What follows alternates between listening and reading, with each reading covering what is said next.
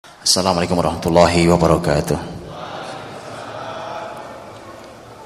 Alhamdulillahi hamdan kathiran tayyiban mubarakan fihi kama yuhibbu rabbuna wa yarda Asyhadu an la ilaha illallah wahdahu la syarika lah wa asyhadu anna Muhammadan abduhu wa rasuluh Allahumma salli wa sallim wa barik wa an'im ala rasulina wa syafi'ina wa nabiyyina sayyidina Muhammadin wa ala alihi wa sahbihi ajma'in يا أيها الذين آمنوا اتقوا الله حق تقاته ولا تموتن إلا وأنتم مسلمون أما بعد Saudara-saudariku yang dimuliakan Allah SWT Jamaah Masjid Nurul Huda Dan juga para pendengar di Samara FM Yang juga disiarkan langsung sekarang oleh Samara FM Radio Keluarga Muslim Syukur pada Allah Subhanahu wa taala di kesempatan istimewa ini kita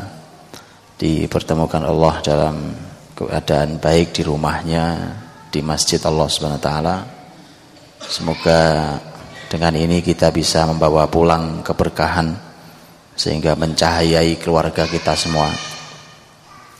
Eh, hadirin dirahmati Allah Subhanahu wa taala, saya diberi amanah tema. Sebenarnya ini ada temanya saya diberikan amanah tentang eh, kalau saya tidak salah judul temanya eh, kemunduran umat karena tidak belajar sejarahnya.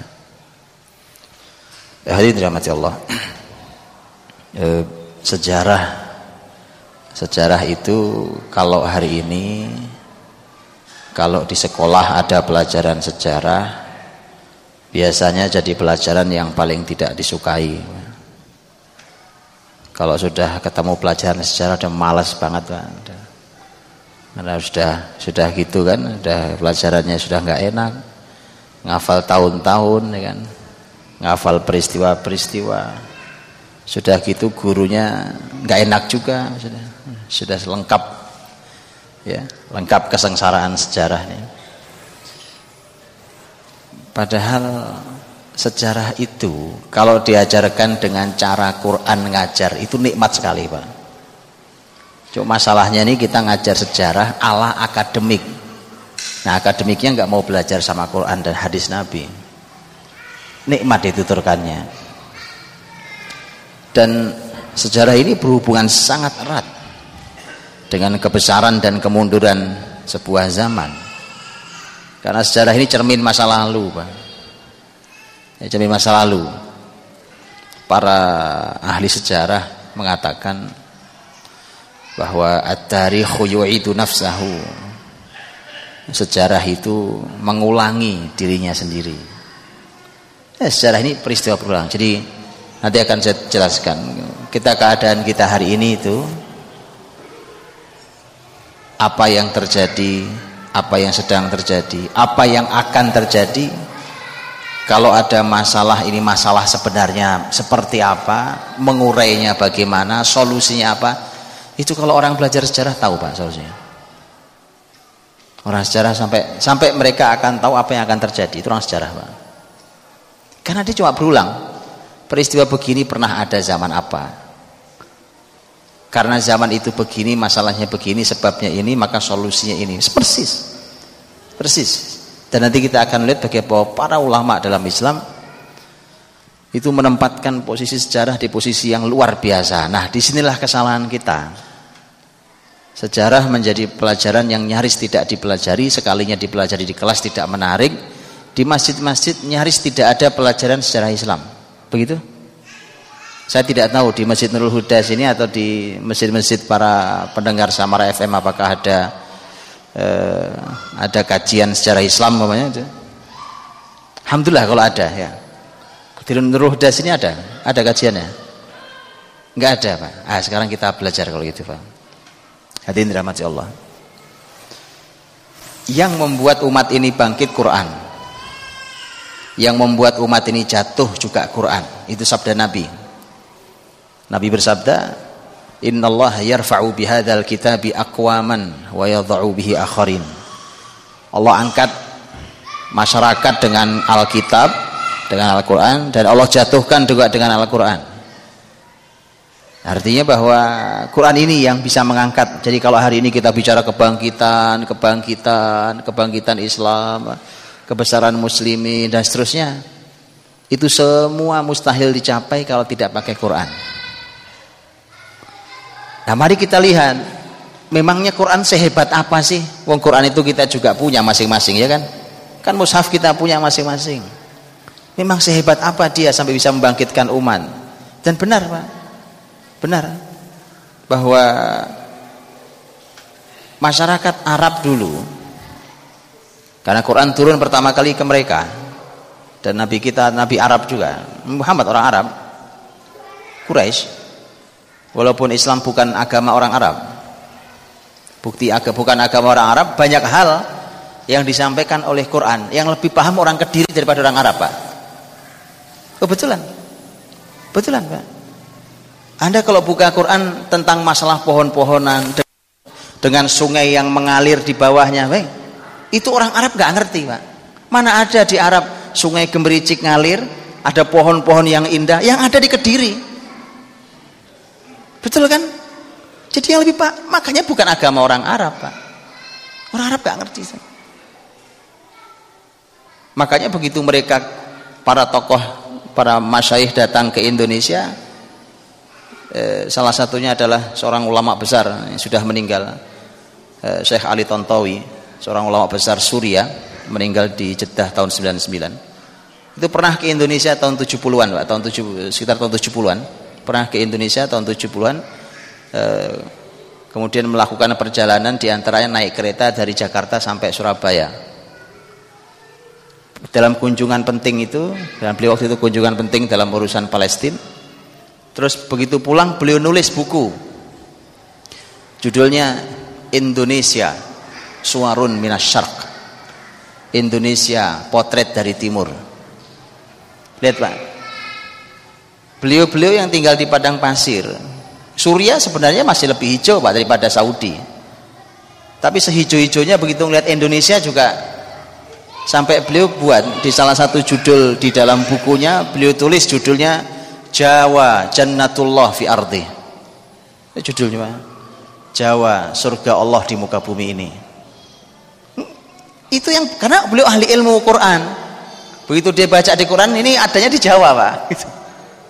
Tentang gambaran tentang surga, walaupun tentu surga bukan di Jawa ya kan. Tidak bisa. Ya, artinya adalah eh, bukti bahwa eh, walau walau turun nabi kita orang Arab bahasanya bahasa Arab, Quran berbahasa Arab, tapi ini bukan agama orang Arab. Ini agama seluruh alam.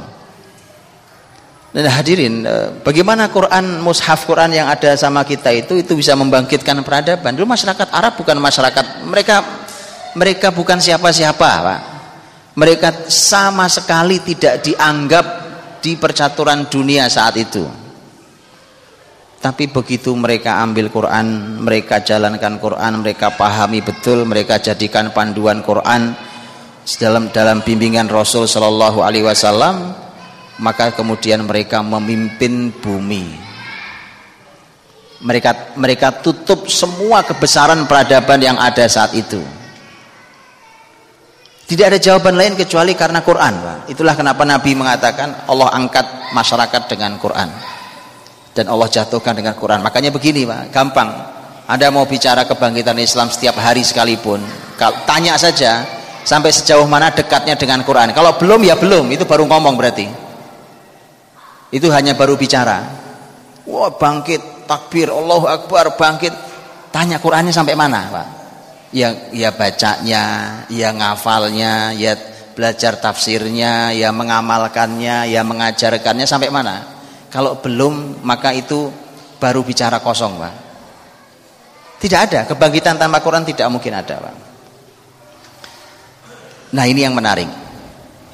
Para ahli Al-Quran menyampaikan bahwa ternyata Al-Quran itu lebih dari sepertiga isinya sejarah. Kisah umat terdahulu. Kisah umat terdahulu sejarah. Jadi Quran itu lebih dari sepertiga isinya adalah sejarah. Kalau nanti mau membuktikan kalimat ulama Quran ini, ya silakan dibuka sendiri ya. Anda boleh menghitungnya, benar nggak sepertiga lebih? Sepertiga lebih. Isinya adalah sejarah. Sejarah umat sebelum Nabi Muhammad. Lihat, sejarah umat sebelum Nabi Muhammad itu kisah-kisahnya turunnya di ayat-ayat dan surat-surat Makkiyah Makiyah itu adalah ayat atau surat yang turun sebelum Nabi hijrah ke Madinah. Jadi sebelum hijrah ke Madinah kalau semua ayat ataupun surat yang turun sebelum Nabi hijrah namanya surat Makiyah. Semua kisah umat terdahulu sebelum Nabi Muhammad itu turunnya Makiyah. Bayangkan kalau sepertiga Quran isinya kisah umat terdahulu dan kisah umat terdahulu turunnya semuanya sebelum hijrah Nabi bukankah itu artinya sebelum Nabi hijrah selama Nabi di Mekah itu isinya ayat cuma kisah saja Pak. 13 tahun lamanya. Ada ayat lain yang bukan kisah. Tapi sepertiga Quran loh kisah. Kemudian semua turun waktu Nabi di Mekah. Itu artinya sepanjang 13 tahun 13 tahun di Mekah dipenuhi dengan kisah tentang sejarah. Sementara Mekah itu oleh para ahli ilmu disebut sebagai pembangunan pondasi. Jadi membangun pondasi generasi. Nabi kan di Madinah nanti sudah bicara negara, sudah bicara hukum, itu nanti. Nah, sekarang baru tahu kita mengapa mengapa Hari ini kita bicara hukum Islam nggak tegak-tegak, Pak. Mau ditegakkan di atas apa? Wong pondasi yang nggak ada. Apa Anda Anda bangun gedung tanpa pondasi? Nggak ada. Nggak ada. Apalagi kalau gedungnya menjulang tinggi, mana ada tanpa pondasi? Semakin kokoh menjulang tinggi, maka semakin kokoh juga pondasinya. Kenapa hukum Islam tidak jalan? Kenapa tidak tegak hukum Islam? Maka mengapa muslimin tidak kunjung punya kekuasaan? Oh iyalah, tidak ada pondasinya, Bang. Nah, untuk membangun pondasi masyarakat itu ternyata Quran menggunakan cara yang paling efektif adalah menggunakan sejarah. Ini yang kelewat di kita. Jadi cara Allah untuk membangun generasi itu itu menggunakan sejarah untuk pondasi awalnya. Dan mari kita lihat beberapa hal yang ada dalam Quran dan bagaimana Nabi Muhammad SAW ketika menerima wahyu itu kemudian belajar dari sejarah. Saya kasih contoh. Kisah yang utuh satu kisah dari awal sampai akhir lengkap satu surat adalah di antaranya surat Yusuf. Bukankah surat Yusuf dari awal mulai Alif Lam Ra tilka ayatul kitabil mubin Inna anzalnahu Qur'anan Arabiyyan dan seterusnya. Bukankah berbicara tentang masalah Nabiullah Yusuf alaihissalam? Sampai nanti ditutup di akhir suratnya. Laqad kana fi qasasihim ibrah li ulil albab ma kana haditha yuftara walakin tasdiqal ladzi baina yadayhi wa tafsila kulli syai wa huda wa rahma liqaumi yu'minun. Ini satu surat bicara tentang satu sosok yaitu Nabiullah Yusuf alaihissalam. Nabiullah Yusuf alaihissalam dikisahkan oleh Allah Subhanahu wa taala untuk Nabi Muhammad dan turun di Mekah. Dari saya katakan, turun di Mekah. Agar Nabi Muhammad belajar dari Nabi Yusuf. Begini loh ya. Ini loh orang hebat sebelum kamu. Namanya Yusuf alaihissalam. Makanya bahkan nanti Nabi sudah pindah ke Madinah. Kisah Yusuf tetap ada dalam diri Nabi dan itu dijadikan sebagai banyak sekali pelajaran. Di antaranya adalah pertimbangan untuk memutuskan sebuah keputusan besar dalam perjuangan hidup perjuangan Nabi SAW. Apa itu? Di antaranya begini. tahun 8 Hijriah Nabi Shallallahu alaihi wasallam dan para sahabat berhasil masuk ke Mekah kemudian membersihkan Mekah dari kemusyrikan membersihkan patung-patung di sekeliling Ka'bah yang jumlahnya 360 patung membersihkan kemusyrikan yang ada di sekitar kota Mekah dan kemudian membuat setidaknya ada 2000 masyarakat Mekah masuk Islam. Di tahun 8 Hijriah Pak. Yang di peristiwanya dikenal dengan peristiwa Fathu Makkah. Di saat Nabi masuk Fathu Makkah itu dengan membawa sekitar 10.000 pasukan. Dan tidak ada perlawanan. Tidak ada perlawanan berarti. Tidak ada perang kecuali perang kecil maka Nabi begitu masuk Nabi bersihkan semua kemusyrikan. Salah satu yang dilakukan Nabi adalah Nabi mengumumkan mengumumkan nama-nama yang halal darahnya. Imam Ibnu Hajar al Asqalani dalam Fathul Bari beliau mengumpulkan nama-nama itu jumlahnya belasan belasan nama yang halal darahnya boleh dibunuh kata Nabi. Boleh dibunuh bahkan dia bersembunyi di balik kiswah Ka'bah sekalipun. Kenapa? karena dulu mereka penjahat luar biasa. Dulu waktu Nabi masih di Mekah mereka penjahat perang mereka penjahatnya luar biasa. Ada sekian belas orang di antaranya ada dua perempuan.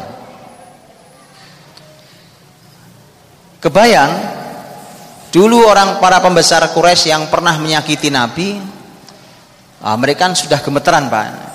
Ini jangan-jangan bisa disebut lagi nama yang lain ya. Karena nama-nama mereka sebagian tidak disebut oleh Nabi SAW. Maka Nabi mengumpulkan para tokoh-tokoh Quraisy dikumpulkan di pelataran Ka'bah itu. Kemudian Nabi naik di pintu Ka'bah naik di pintu Ka'bah ini para pembesar Nabi ini sudah masyarakat kalah. Mereka sudah kebayang bahwa kayaknya kita dihukum mati nih kayaknya eh mungkin. Karena mereka dulu jahatnya luar biasa Pak. Dan mereka dulu pernah berencana membunuh, pernah berencana membunuh Nabi Muhammad SAW Nabi naik ke pintu Ka'bah kemudian Nabi berkata kepada para pembesar kata Nabi mata dhunnuna anni fa'ilun bikum menurut kalian mau saya apakan kalian ini? Bayangkan Pak, orang sudah gemeteran ya kan? Masih ditanya begitu kira-kira mau saya apakan kalian ini? Wah dulu mereka pembesar sombong-sombong Pak tapi jahat luar biasa. Kata Nabi kira-kira mau saya apakan kalian? Akhirnya mereka jawab juga mau ditanya. Mereka jawab. Apa jawabannya? Akhun karim, ibnu akhin karim. Anda ini kan saudara kami yang baik. Nah, itu orang kalah tuh begitu bahasanya, Pak. Anda juga anaknya saudara kami yang baik. Artinya kamu kan anaknya bapakmu, bapakmu Abdullah. Abdullah itu saudara kami yang baik. Ini orang orang mengemis belas kasihan. Lihat jawaban Nabi Muhammad SAW. Lihat Pak. Ini luar biasa. Nabi Muhammad kan harus memutuskan. Keputusannya apa nih kepada para penjahat ini? Tuh orang jahat-jahat semua nih Pak. Sekarang sekarang mau di apa pun mereka nggak ada perlawanan. Nggak nggak akan kuat lawan muslimin. Nabi harus memutuskan sesuatu yang besar. Bagaimana cara Nabi memutuskan? Nah ini Pak. Nabi Muhammad cara memutuskannya, Nabi ingat kisah Nabi Yusuf. Tuh Pak. Jadi kisah itu kisah itu bayangkan kisah itu bisa sampai menjadi landasan keputusan. Ayo sekarang apa ada? Anda baca surat keputusan kan? Suka ada ya? Entah surat keputusan apa saja. Menimbang. Betul kan? Apalagi bunyinya? Me, apa lagi? Hah? Mengingat. Me, apa, sampai ujungnya memutuskan. Begitu? Ayo.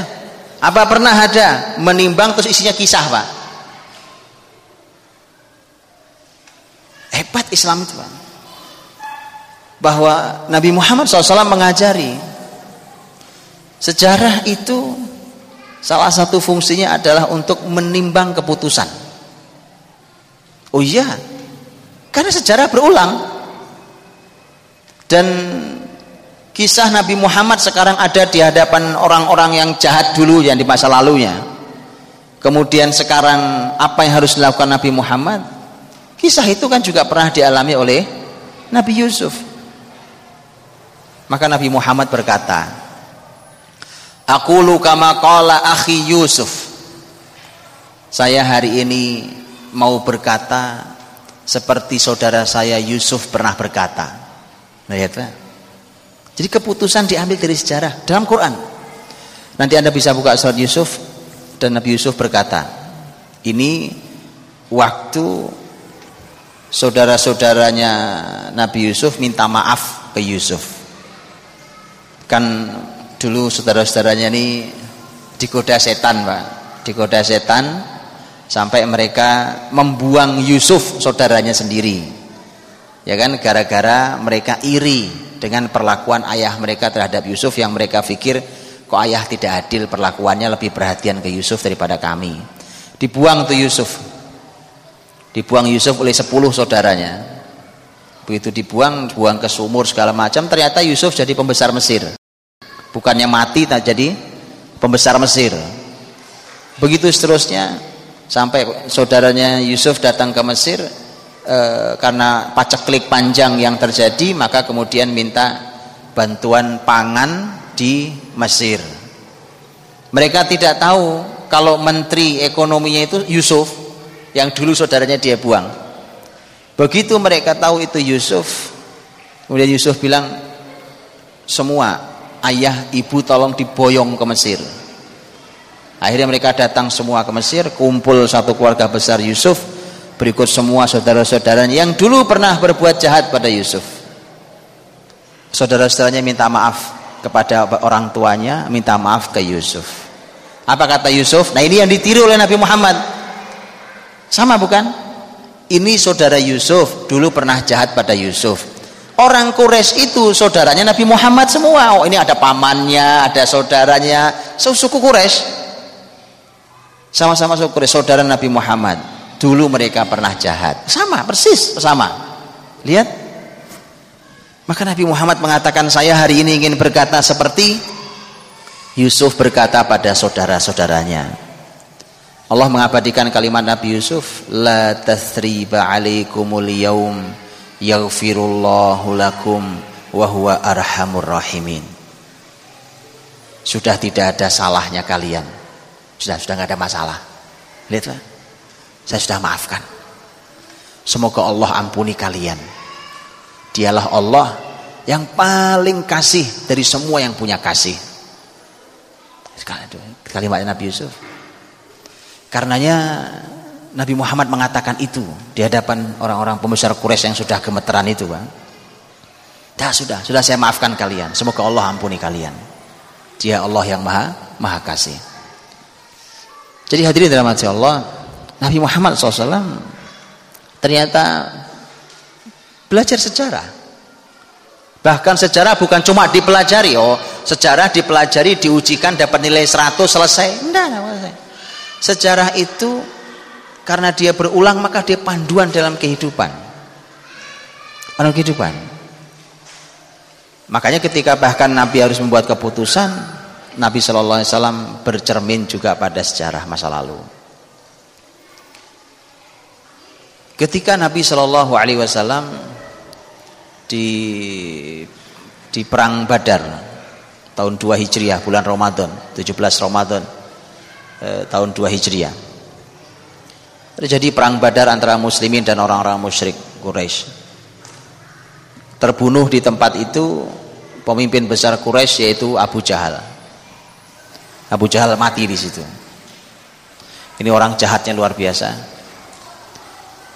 Begitu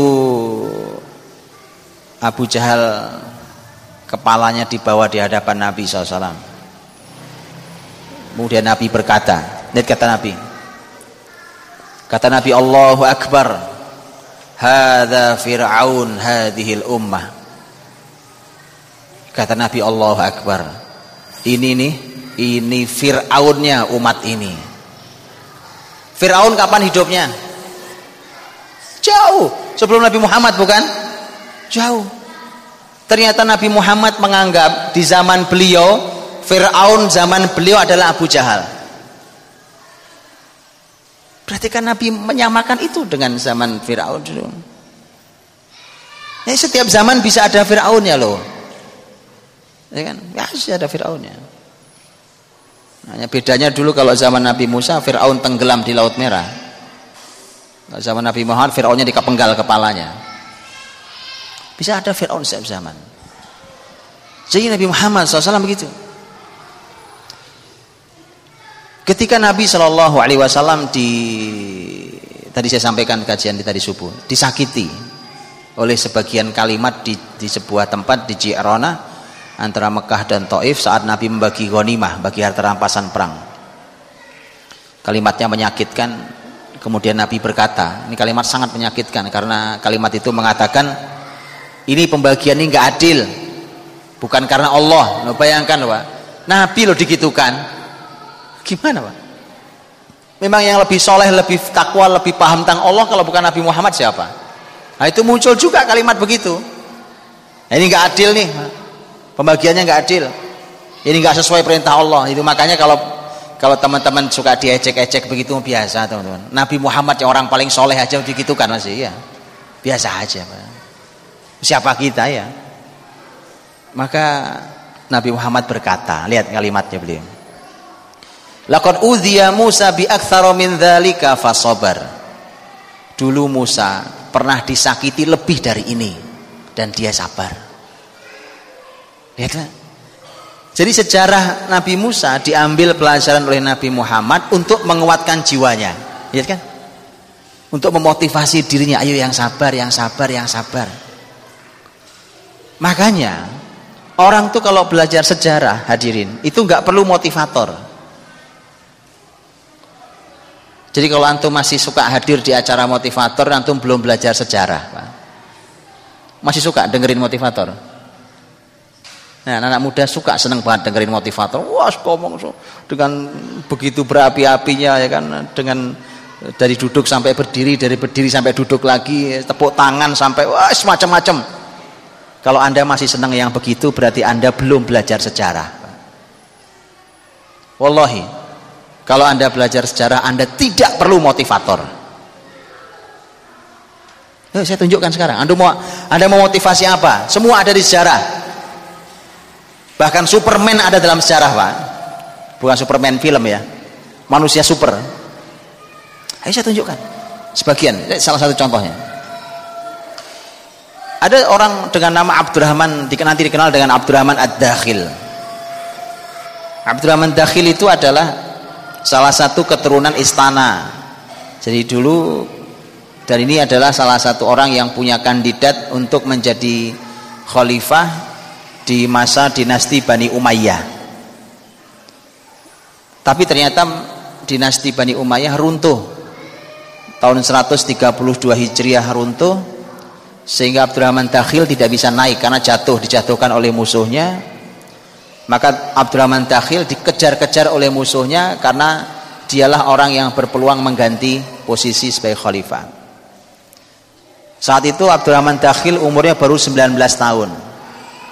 Ada yang umur 19 tahun di sini? Mana yang umur 19 tahun? Nah, seumuran beliau nih, Man. Ada boleh lihat seumuran beliau 19 tahun. Abdurrahman Dakhil lari, Pak. Dikejar oleh pasukan kemudian mentok dia di sungai. Sungainya bukan sungai kecil kayak di kita begini pak. Sungai berantas itu terlalu kecil. Beneran pak. Dia seberangi itu sungai dengan cara berenang. Dia berenang. Selamat dia sampai di ujung dia lari. Sendirian. Dia lari. Nggak ada apa mau berenang. Jalan kaki pak. Anda bisa bayangkan dari negeri Syam masuk ke Mesir. Antum kebayang peta enggak? Saya mau ngomong peta nih. Kalau belajar sejarah harus tahu peta ya. Sam ke Mesir antum tahu? Dari Sam ke Mesir. Jaraknya tahu?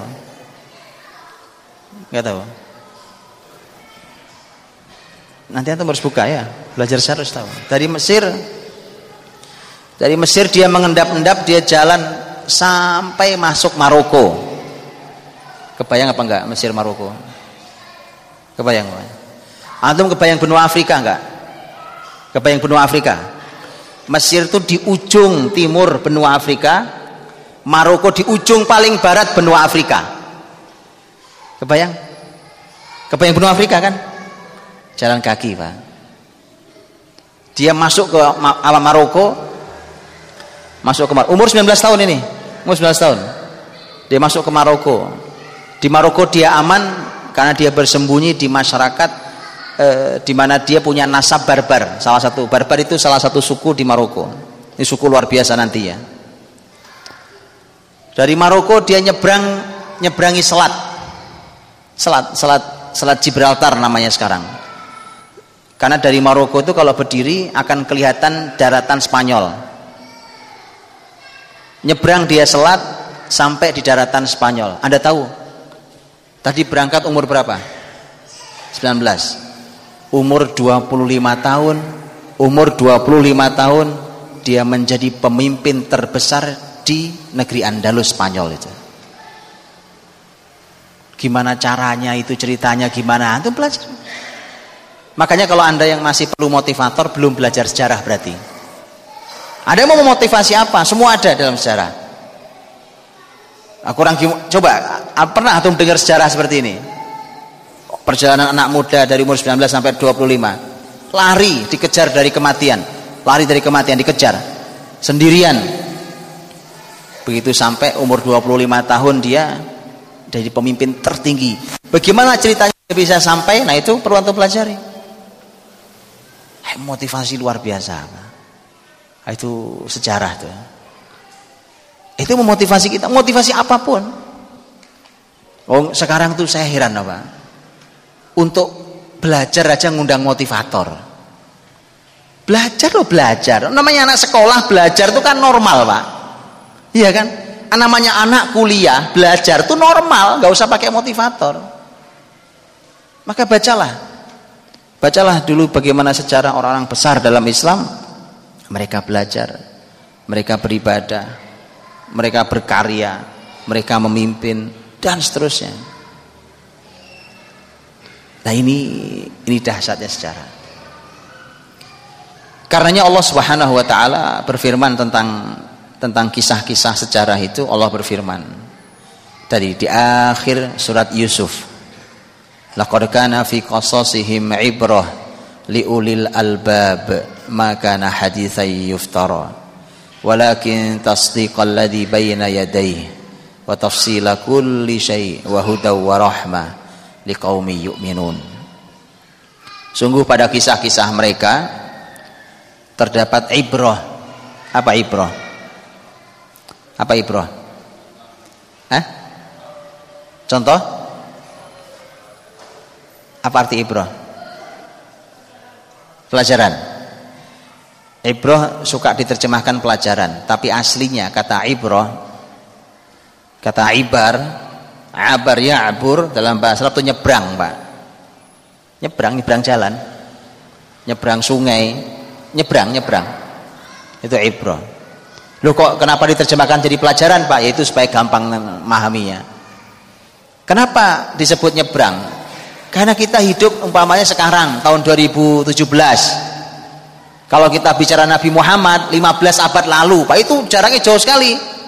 Anda perlu nyebrang dari zaman ini ke 15 abad lalu. Nah, harus ada jembatan penyeberangannya atau harus ada jalan penghubungnya. Nah, itu yang harus dibuat. Itu namanya ibroh. Paham? Itu namanya ibroh. Jadi kisah-kisah itu harus menjadi ibroh buat kita. Kisah kebaikannya harus sampai ke kita, kisah keburukannya harus jadi peringatan buat kita. Tapi sejarah itu menjadi ibroh itu hanya untuk ulil albab. Ibroh li ulil albab. Pelajaran ibroh hanya untuk yang punya otak, Pak. Ulil albab, lub itu artinya otak, otak paling dalam yang mau mikir Tapi kalau tidak difikirkan ya dongeng-dongeng aja kayak dongeng jadinya. Oh gitu ya Pak. Oh Nabi Muhammad gitu ya Pak. Oh sahabat Nabi gitu ya. Oh orang-orang eh, kayak dongeng masa lalu. Tapi kalau kita fikirkan, kita renungi, kita tadaburi, dia jadi ibro. Jadi pelajaran mahal. Maka nah haditha yuftara. Kata Allah, ini Quran ini bukan perkataan yang dibuat-buat. Jadi bukan karangan manusia, bukan fiktif. Quran seperti itu, termasuk kisah di dalam Quran tidak ada kisah fiktif. Ya, makanya saya bilang, kalau Anda belajar sejarah, Anda tidak perlu cerita kancil nyolong timun. Pasti nggak perlu, Pak. Fiktif, Pak. Kisah fiktif. Kisah kisah uh, harimau ngobrol sama kijang, nggak perlu. Kalau Anda tahu sejarah. Karena memang Quran katakan itu, ini bukan kisah fiktif. Walakin tasdiqal baina yaday, tapi ini untuk mengimani yang sudah lalu. Jadi fungsi-fungsi iman. Kan kalau kita bicara tentang Nabi Musa, kita beriman Nabi Musa memang pernah ada dengan kisahnya. Kalau kita bicara Nabi Muhammad, kita yakin Nabi Muhammad pernah ada dengan kisahnya. Kita bicara Nabi Nuh begitu seterusnya. Itu bicara iman masa lalu. Wa tafsila kulli syai. Dan untuk mendetilkan segala sesuatu. Mendetilkan segala sesuatu, menjelaskan dengan detail segala sesuatu. Jadi dengan Quran, termasuk di antaranya dengan kisah ini, dengan sejarah itu Anda bisa jelaskan detail apa saja pakai sejarah. Ah, gimana ceritanya? Contoh, contoh. Anda mau jelaskan apa nih ceritanya? Mau menjelaskan dunia pertanian. Umpamanya, ya, Masya Allah tanah pertanian subur di sini. Itu kalau orang sejarah dia bisa jelaskan dengan sejarah Pak, dunia pertanian.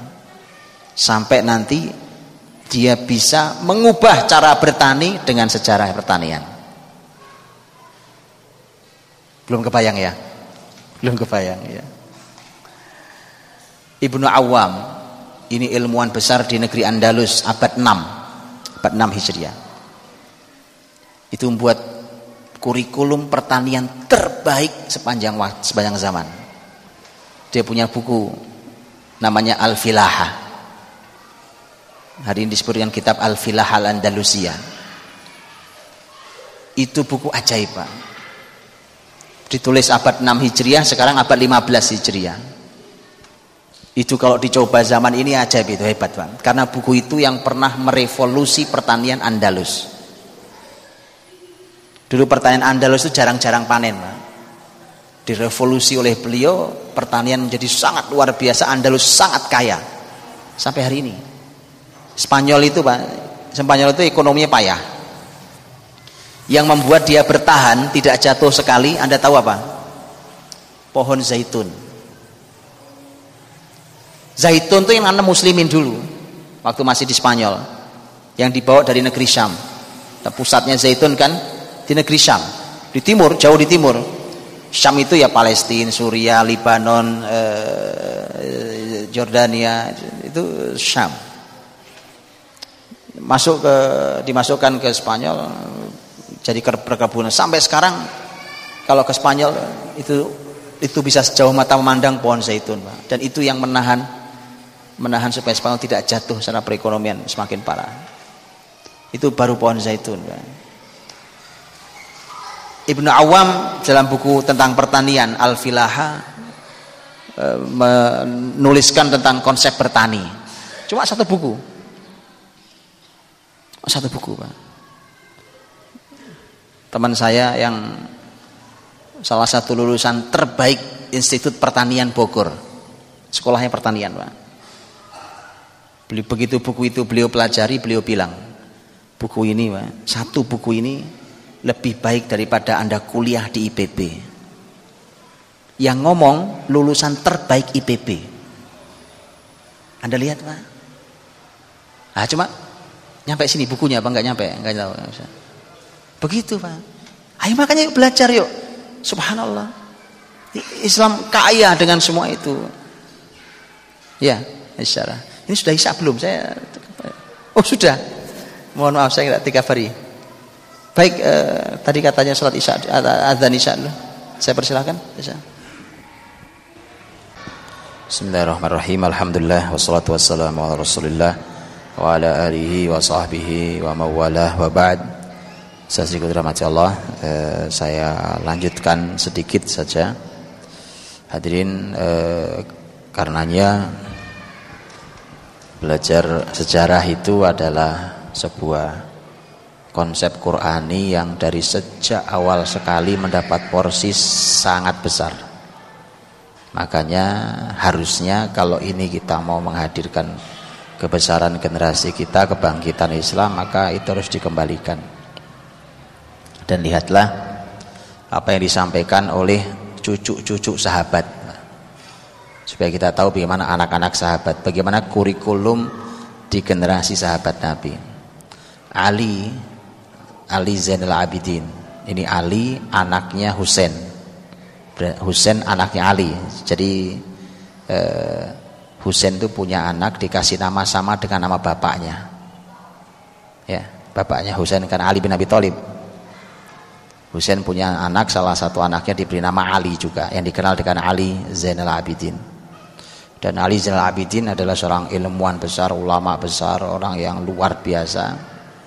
Dari cucunya Ali bin Abi Thalib dari jalur Husain. Ali Zainal Abidin mengatakan, "Kunna nu'allam maghaziyan Nabi sallallahu alaihi wasallam kama nu'allamu suratan minal Quran." Kami diajari tentang perang-perang Nabi Muhammad tentang sejarah Nabi Muhammad maksudnya itu kami diajari sejarah Nabi Muhammad seperti kami diajari surat dalam Quran. Anda bisa bayangkan sampai kurikulumnya tadi nyari setara dengan Quran atau sama dengan Quran. Jadi kalau Quran termasuk kurikulum awal di generasi, maka sejarah juga kurikulum awal generasi. Jadi kami diajari sejarah Nabi Muhammad itu seperti kami diajari Quran. Begitu pentingnya, begitu seriusnya dan seterusnya. Cucunya Sa'ad bin Nabi Waqqas juga sama. Namanya Ismail, Ismail bin Muhammad bin Sa'ad bin Nabi Waqqas. Jadi cucunya Sa'ad bin Nabi Waqqas adalah anhu. Dia juga berkata begitu, "Kana abi yu'allimuni maghazian Nabi SAW wa alaina. Ayah saya ayah saya berarti anaknya Sa'ad di Nabi Waqqas. Ayah saya mengajari kami tentang perang-perang Nabi SAW itu bahasanya memang dulu perang walaupun maknanya bisa seluruh sejarah hidup Nabi yang tidak hanya perang gitu ya. Dan itu bukti juga bahwa eh, hari ini kita suka ketakutan ngajari begituan di anak-anak kita Pak. Eh, itu generasi sahabat jadi orang besar mimpin bumi Pak. Ini kurikulumnya ini kurikulumnya. Kami diajari ayah kami tentang sejarah Nabi Muhammad SAW ini dan kemudian ayah kami berkata kalian ayah kami berkata hadhihi ma'athiru abaikum fala tudayyi'uha. Ini adalah peninggalan sejarah ini adalah peninggalan ayah-ayah kalian. Di kebesaran mereka. Jangan kamu sia-siakan. Pelajari maksudnya pelajari yang serius. Seorang ulama sangat besar di kalangan tabi'in Az-Zuhri Imam Az-Zuhri rahimahullah taala. Beliau berkata ilmu maghazi ilmu dunia wal akhirah ilmu tentang sejarah itu ilmu dunia dan akhirat.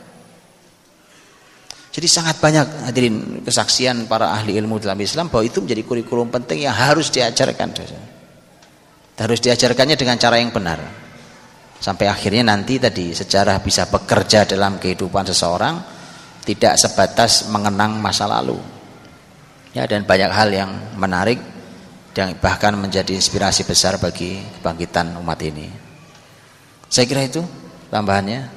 Eh, kesimpulannya adalah bahwa begitu luar biasanya kurikulum sejarah ini, begitu besar porsinya dalam Quran Bahkan dia adalah kurikulum awal dan dasar kalau umat ini mau bangkit. Wallahu a'lam. Saya kembalikan kepada Fadl Ustaz Ali.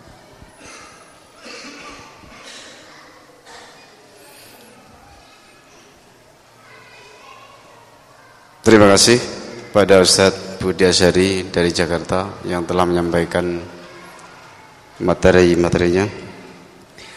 Di sini Ustadz Budi Asari Insya Allah kajian ini jam 8 selesai. Ada waktu 20 menit.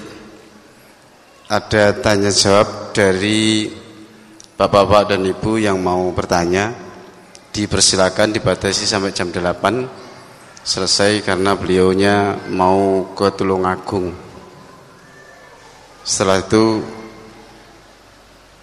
kembali ke Pare lagi, besok pagi harus mengisi kuliah subuh di Masjid Al Musinin gitu.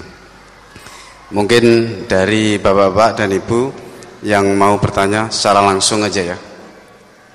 Mungkin secara langsung saja dipersilakan. Monggo.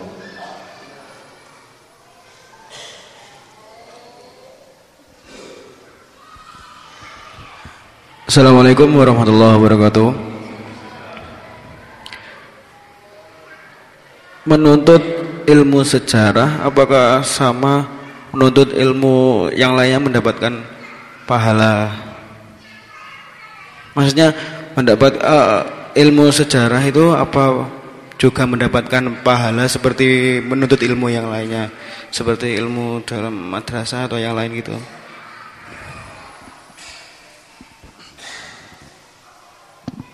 Baik, pertanyaannya apakah belajar ilmu sejarah juga dapat pahala seperti belajar ilmu lain itu sudah pasti. Satu karena dia ilmu. Ilmu itu, teman-teman, antum belajar ilmu pertanian ada pahalanya. Oh ya, karena pertanian umpamanya ya, atau ilmu mesin atau ilmu bahasa atau ilmu, itu semua ilmu penting manfaat yang itu masuk babnya namanya bab fardu kifayah. Fardu kifayah di mana tidak boleh tidak boleh ilmu ini sampai tidak ada satupun muslim yang tidak menguasai. Nah, menjadi fardu kifayah. Kalau fardu kifayah itu berarti kalau sampai tidak ada sama sekali yang ahli dosa semua. Itu fardu kifayah. Kurang lebih kalau kita bicara tentang sholat jenazah fardu kifayah. Kalau sampai ada jenazah tidak ada yang menyolati sama sekali, dosa semua. Persis sama. Fardu kifayah. Nah, itu satu ya. Karena dia ilmu maka dia mendapat pahala Dan niatnya karena Allah dapat pahala. Yang kedua, Tadi saya sudah katakan, seperti ke Quran sejarah. Kalau antum pelajari Quran kan luar biasa pahalanya. Khairukum man ta'allamal Qur'ana wa. Orang terbaik di antara kalian yang mau belajar Quran. Nah, ini seperti ke Quran loh. Lebih bahkan. Isinya sejarah. Berarti antum mempelajari seperti ke Quran lebih. Jadi antum orang terbaik kata orang Nabi SAW yang mau belajar Quran dan mau mengajarkannya. Dan berikutnya nanti adalah sejarah itu sumber nomor duanya adalah hadis Nabi riwayat dalam hadis-hadis Nabi SAW karena kalau antum buka kitab kitab hadis apa pun itu mau Sahih Bukhari, Sahih Muslim, Sunan Abi Dawud, Sunan Trimidi, Sunan Ibnu Majah semua kitab hadis pasti ada bab sejarah pasti ada bab sejarah. Ada Sahih Bukhari, Sahih Muslim dan seterusnya. Umpamanya ada bab tentang Al-Maghazi, As-Siyar wal Maghazi. Tentang sejarah. Atau kitab Manaqib As-Sahabah itu tentang biografi sahabat. Itu dalam hadis hadis itu. Itu artinya berarti kita belajar sejarah akan belajar hadis Nabi SAW nah sejarah. Kita belajar sejarah artinya kita akan membuka kitab-kitab para ulama sejarah. Ya buka kitab-kitab ulama sejarah dan eh, kita tahu bagaimana kita duduk bersama kitab-kitab barokah para ulama begitu. Besar pahalanya. Gitu ya. jadi sudah pasti asal kita ikhlas karena Allah maka melimpah ruah pahalanya. Bahkan salah satu orang terbaik karena belajar Al-Quran yang salah sebagian isi Quran adalah sejarah. Wallahualam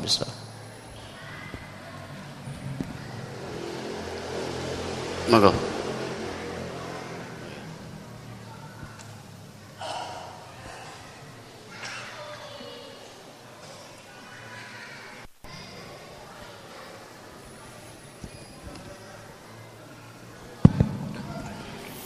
Assalamualaikum warahmatullahi wabarakatuh.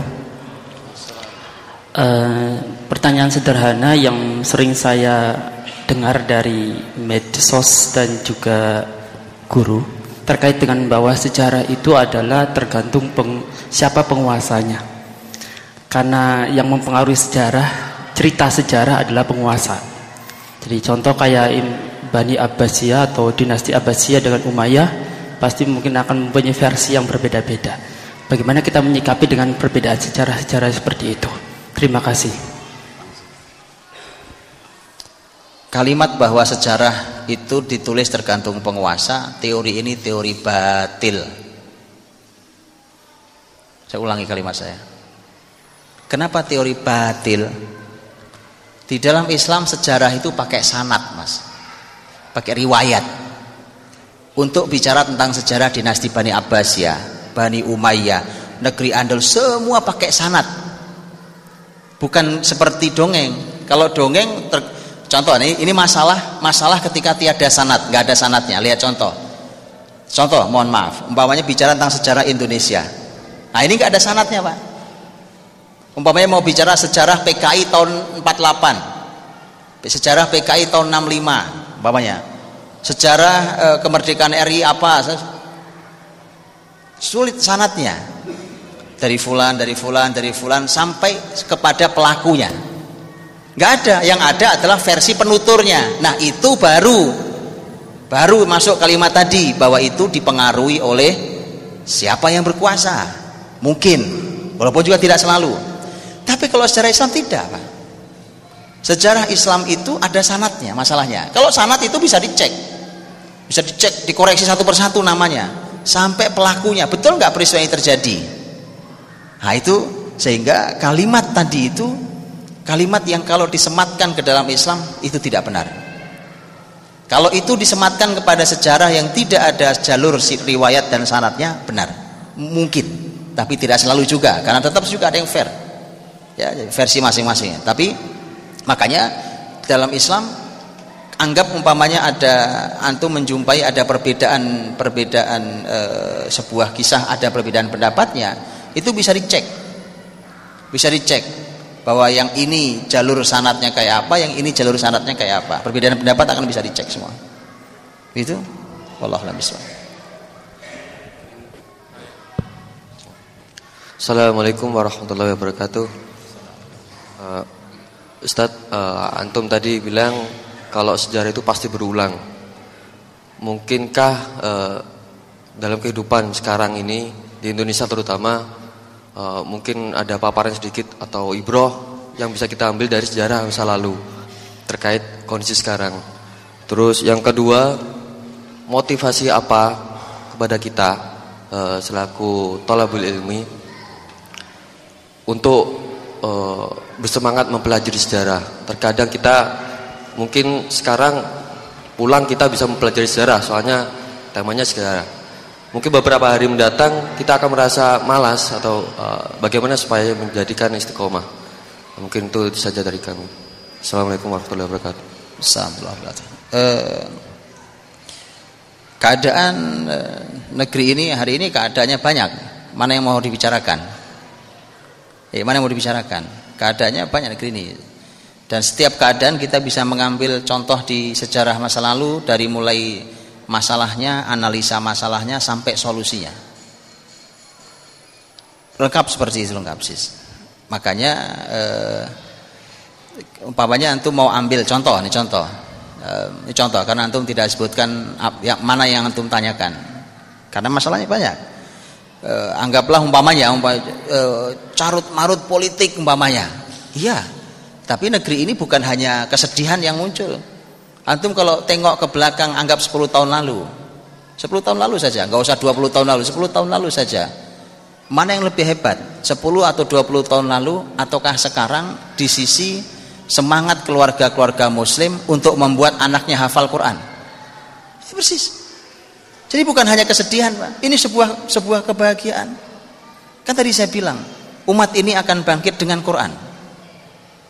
Nah, makanya yang mana yang mau ditanyakan kan begitu? perekonomian umpamanya, lain ceritanya. Dan semua ada contohnya. Cuma saya mau sampaikan begini deh. E, ketika bicara tentang tentang Anggaplah umpamanya karena biasanya begini Pak, orang tuh kalau hidup dalam kesulitan, dia merasa orang paling sengsara di muka bumi. Orang tuh kalau sedang sulit Pak, kayaknya orang paling sengsara di muka bumi. Padahal masih begitu banyak orang yang lebih sengsara dari dia. Muslimin di Indonesia umpamanya dengan keadaan yang wah, lelah kita dengarnya umpamanya, yang kita dengar yang lelah-lelahnya ya kan. Akhirnya kita merasa nih ya Allah ini zaman rusak bener Pak. Wah, ini luar biasa ya, subhanallah Zaman ini masih jauh lebih baik, jauh lebih baik dibandingkan zaman yang pernah dilalui oleh sebagian masa oleh muslimin. Ini, ini untuk membangkitkan optimisme dulu. Karena kalau antum lelah, yang muncul pesimis. Kalau sampai putus asa, itu malah kerjaan orang kafir. Putus asa itu nggak ada di kamus orang beriman. Nah, maka saya tunjukkan contoh. Saya, saya ceritakan sedikit saja, tapi antum nilai nanti. Apakah itu keadaan lebih baik zaman itu atau zaman Indonesia hari ini? Saya tunjukkan. Tahun 1492 Masehi, abad 15 Hijriah. Salib besar terbuat dari perak disematkan ditempel di istana Alhambra. Alhambra di Granada. Sebagai sebuah tanda ini Ratu Isabella dengan suaminya sebagai sebuah tanda bahwa negeri muslim terakhir yang dimiliki muslimin di Andalus yaitu Granada sudah jatuh di tangan negara Kristen terakhir tutup muslimin 1492 masih tutup selesai. Dari tahun ke tahun kebijakan kebijakan kerajaan Kristen terhadap muslimin yang masih hidup di Andalus. Negara sudah nggak ada muslimin sudah nggak punya sama sekali tapi muslimin masih banyak hidup di situ. Luas wilayah Andalus. Spanyol, Portugal, Perancis bagian selatan Kepulauan Sisilia yang punya Italia sekarang. Nah, itu wilayah Andalus dulu. Masih banyak muslim. Makin hari makin payah makin parah sekali makin menekan muslimin kebijakannya. 1492 tutup. 1497 resmi seluruh masjid ditutup. Subhanallah saya sholat di tempat yang nyaman sekali hari ini Pak. Jazakallah khair Masjid Nurul Huda Ustaz Ali. Nyaman bukan kita sholat di masjid? Apa masjid kediri ditutup?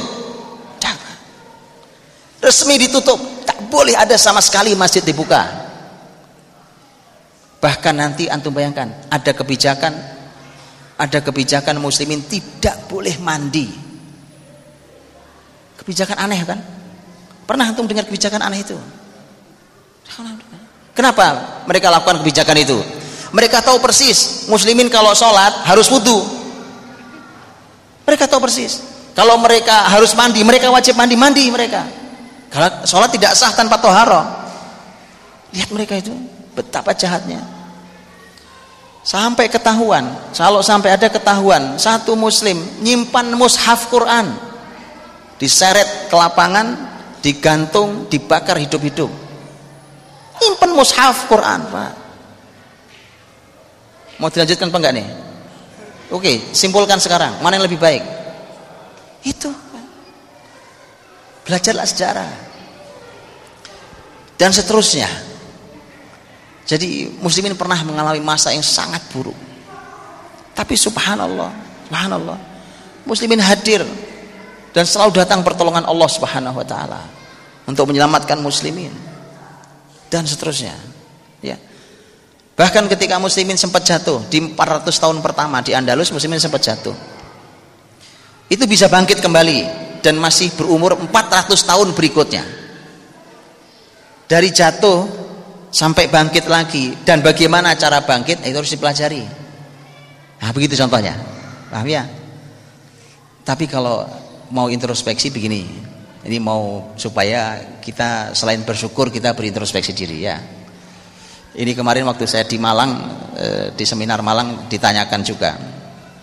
Eh, di Malang kemarin ada salah satu seminar saya judulnya eh, Sumbangsih Islam untuk Peradaban Dunia.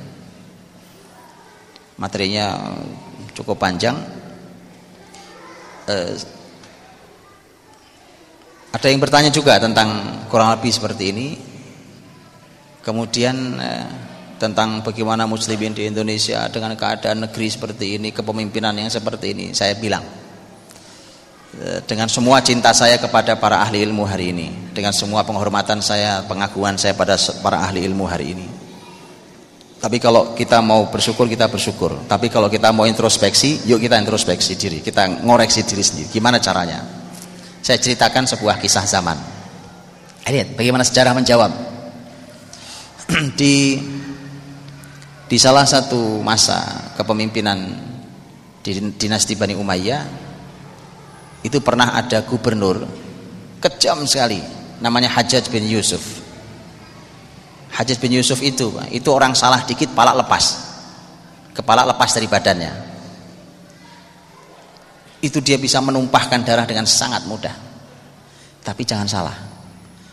Orang sekejam itu banyak ulama yang ketika ditanya bagaimana menurut anda tentang Hajjaj bin Yusuf? Bahkan sampai Imam Ahmad bin Hambal sekalipun ditanya tentang Hajjaj bin Yusuf. Kata beliau saya tidak mau bicara Loh, kenapa? Orang jelas dolim kok nggak mau ngomong. Kenapa? Karena Hajat bin Yusuf itu masih ada baiknya, Pak. Hajat bin Yusuf itu hafal Quran 30 juz.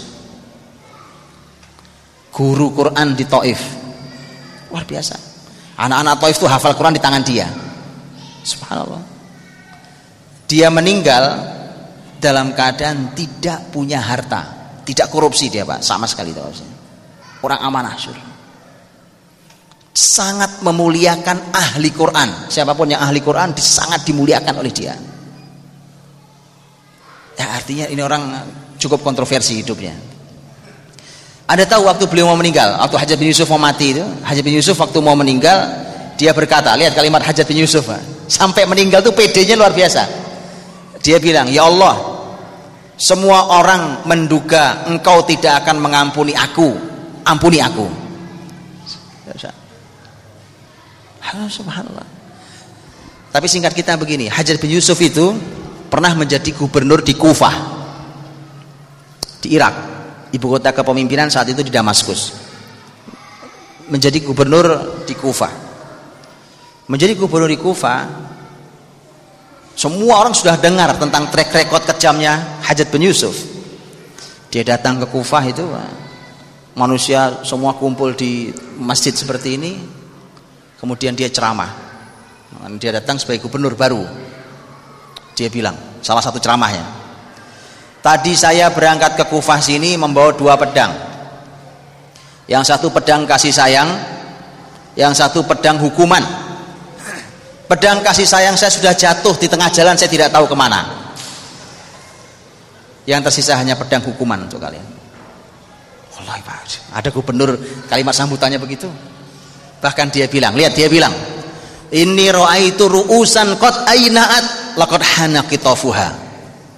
Saya melihat kepala-kepala sudah masak, sudah ranum seperti buah dan siap untuk dipetik. Atau pernah jumpai orang kayak gitu? Baik. Tapi teman-teman lihat kalimat para ahli sejarah. Apa kalimat ahli sejarah? Ahli sejarah bukan hanya komentari Hajat bin Yusuf tapi dia berkata tentang masyarakat Kufah. Lihat. Adapun kenapa Hajjaj memimpin masyarakat Kufah? Karena memang masyarakat Kufah tidak bisa dipimpin kecuali oleh orang seperti Hajjaj. Mengerti? Ngerti atau nggak ngerti, Pak? Apa maksudnya? Memang nggak bisa diatur tuh masyarakat. Nggak bisa diatur, Pak. Ngeyel minta ampun. Ya Allah susah banget itu. Sampai Kufah itu terkenal ilmu hadis itu kalau masuk ke Kufah hadis makanya para ahli, para ahli ilmu hadis itu hati-hati kalau hadis keluar dari Kufah. Hadis masuk ke Kufah nih, perawinya orang Kufah. Masuk sejengkal, ini istilah di ilmu hadis. Masuk sejengkal, keluar dari Kufah bisa sehasta, Pak. Ngerti maksudnya? Apa maksudnya? Ditambah-tambahin, Pak, jadi hadis palsu. Jadi memang masyarakatnya begitu. Sampai eh, Umar bin Khattab, orang hebat itu sampai ngadu ke Allah tentang Kufah. Ya Allah, Kufah ini bagaimana ya Allah? Kufah. Di Suria itu ada sebuah kota orang sekarang nyebutnya Homs. Tahu ya dengarnya? Hims, aslinya Hims. Hims itu masyarakatnya juga sama Pak ngeyelnya itu sampai disebut kota itu menjadi kuwaifah Tahu kuwaifah artinya kufah kecil. Sampai sampai terkenal tuh kufah itu. Begitu Pak. Ngerti nggak cerita saya tentang ini dan hubungannya dengan Indonesia? Kenapa Allah kasih pemimpin gak jelas umpamanya? Anda ngerti maksudnya? Hah? silahkan dipikir sendiri.